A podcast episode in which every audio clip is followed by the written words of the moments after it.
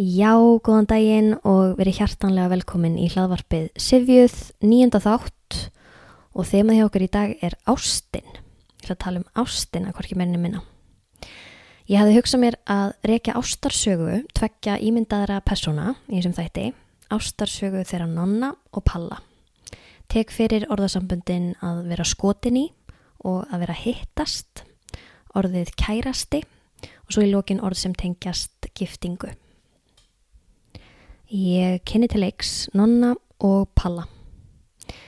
Þannig er mál með vexti að þeir hafa lengi haft augastað hvort á öðrum, þeir eru skotnir hvort í öðrum. Lýsingarorðið skotin er fyrsta orðið hjá okkur. Alltaf fundist þetta aldrei skemmtileg leið til að lýsa hrifningu að vera skotin í einhverjum. Ásker Blöndal bendir á í íslenskri orðsefjabók að þetta vísi til þess að vera skotin, að fá í sig skot eða ör af ástarboga Erosar. Eros er grískur guð, hliðstæða rómvarska guðsins Amors, sem flýgur um loftin og skýtur örfum af boga sínum í fólk sem verður þar með ástfangið. Þannig að sá sem er skotin, hann hefur verið skotin með ör Amors eða Erosar.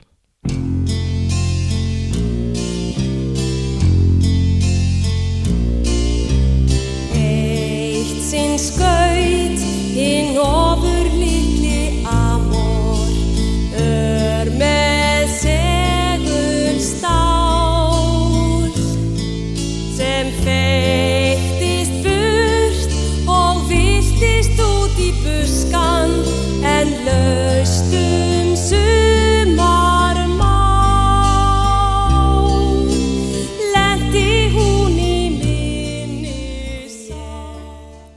Þarna heyrðu við Eddu Heiðrónu syngja lagið Önnur sjónarmið eftir Hilmar Oddsson. En já, skot, uh, skot Amors, ég hef, ég hef alltaf skilið þetta þannig en mér fannst áhugavert að þetta væri einhver alvöru skýring, fannst áhugavert að sjá þetta svart og hvítu í orðsefjabók.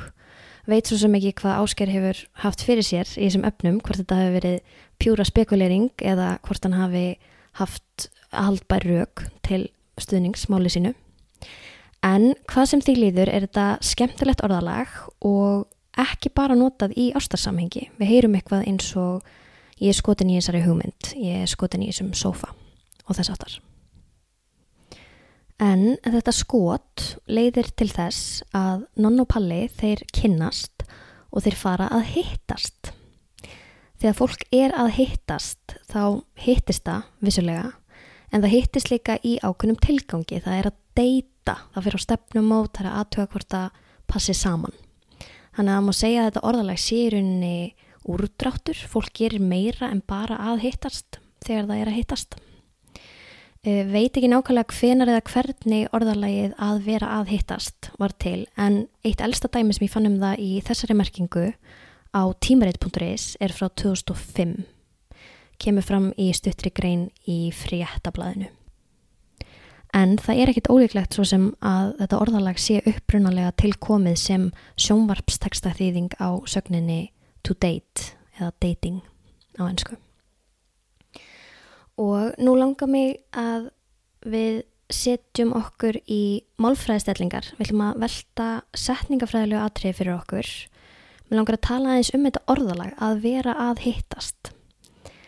Það er hægt að segja að hittast sé atburða sögn, svo kalluð. Sögnum er sem sagt almennt skipti í flokka eftir þeim verknaði sem þær lýsa.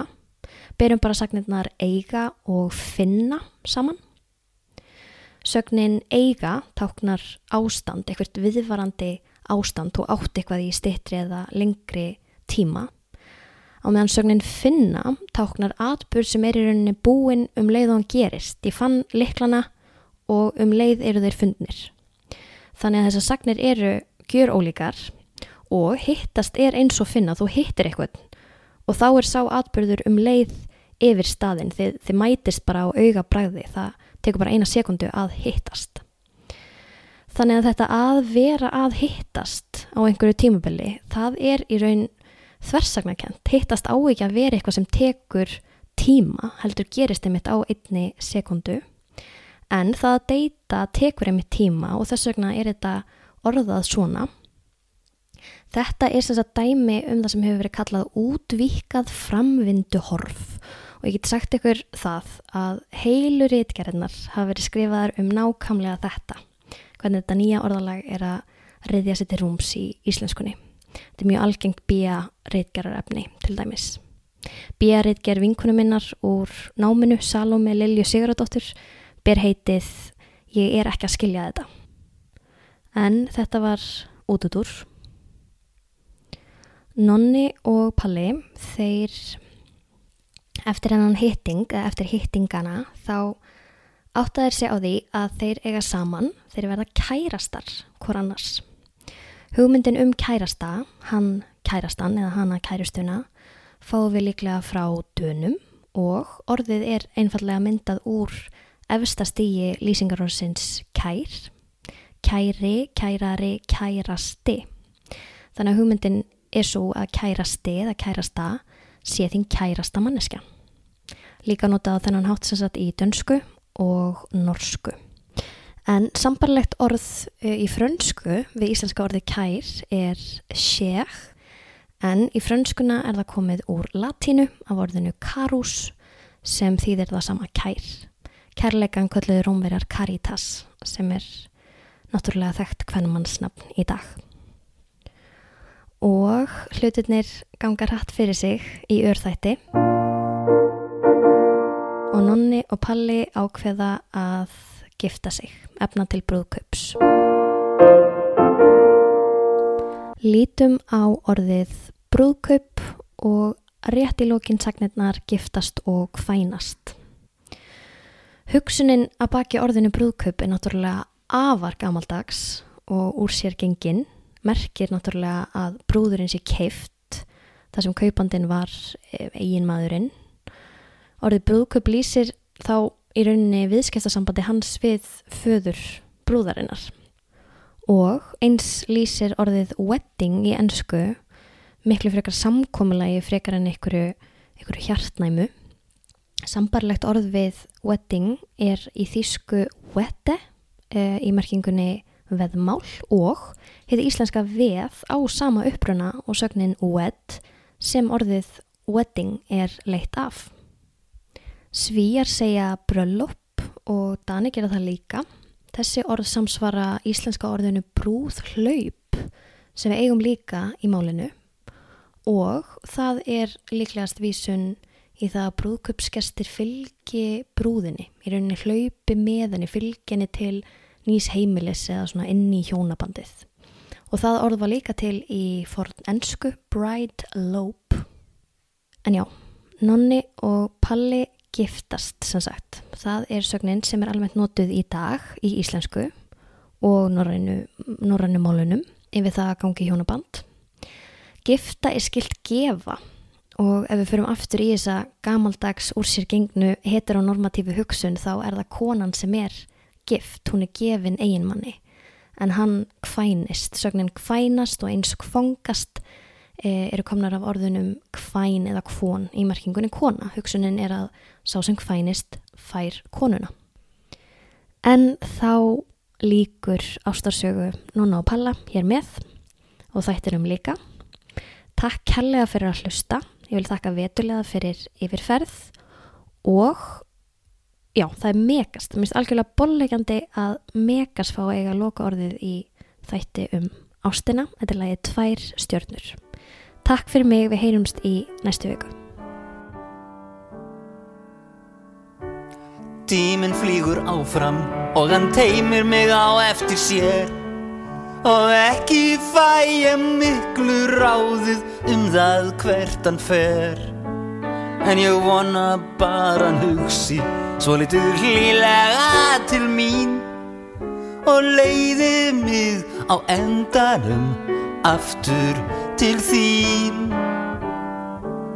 Ég gaf þér forðum keðju úr gulli um hálsin þinn Svo glemtir þú mér ekki í dagsins amstri nokkurt sinn.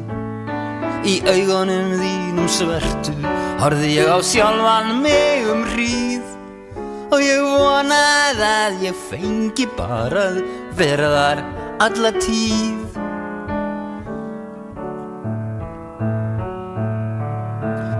Það er margt sem ángrar En ekki er það þó byðin Því ég sé það fyrst. Á ríkinu Hvað langur tím er liðin Og ég skrifar eitthvað með fingrinum Sem skiptir öllu máli.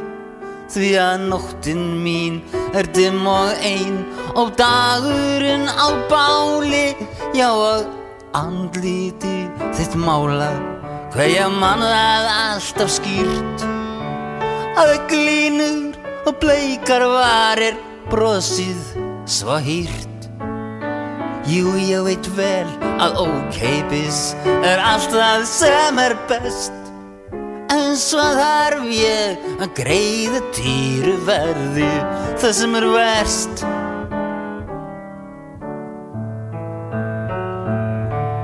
Ég sakna þín í byrtingu að hafa þig ekki við mér og ég sakna þín á daginn þegar sólinn brosir við mér. Og ég sakna þín á kvöldin þegar dimman dettur á. En ég sakna þín mest á nóttinni er svipiðir fara á stjá. Svo lít ég upp og ég sé við erum saman að erna tvær stjörnur á blári festingunni sem færast nær og nær. Já mann þig þegar augun mín eru opinn hverja stund. En þegar ég nú legg þau aftur fer ég á þinn fund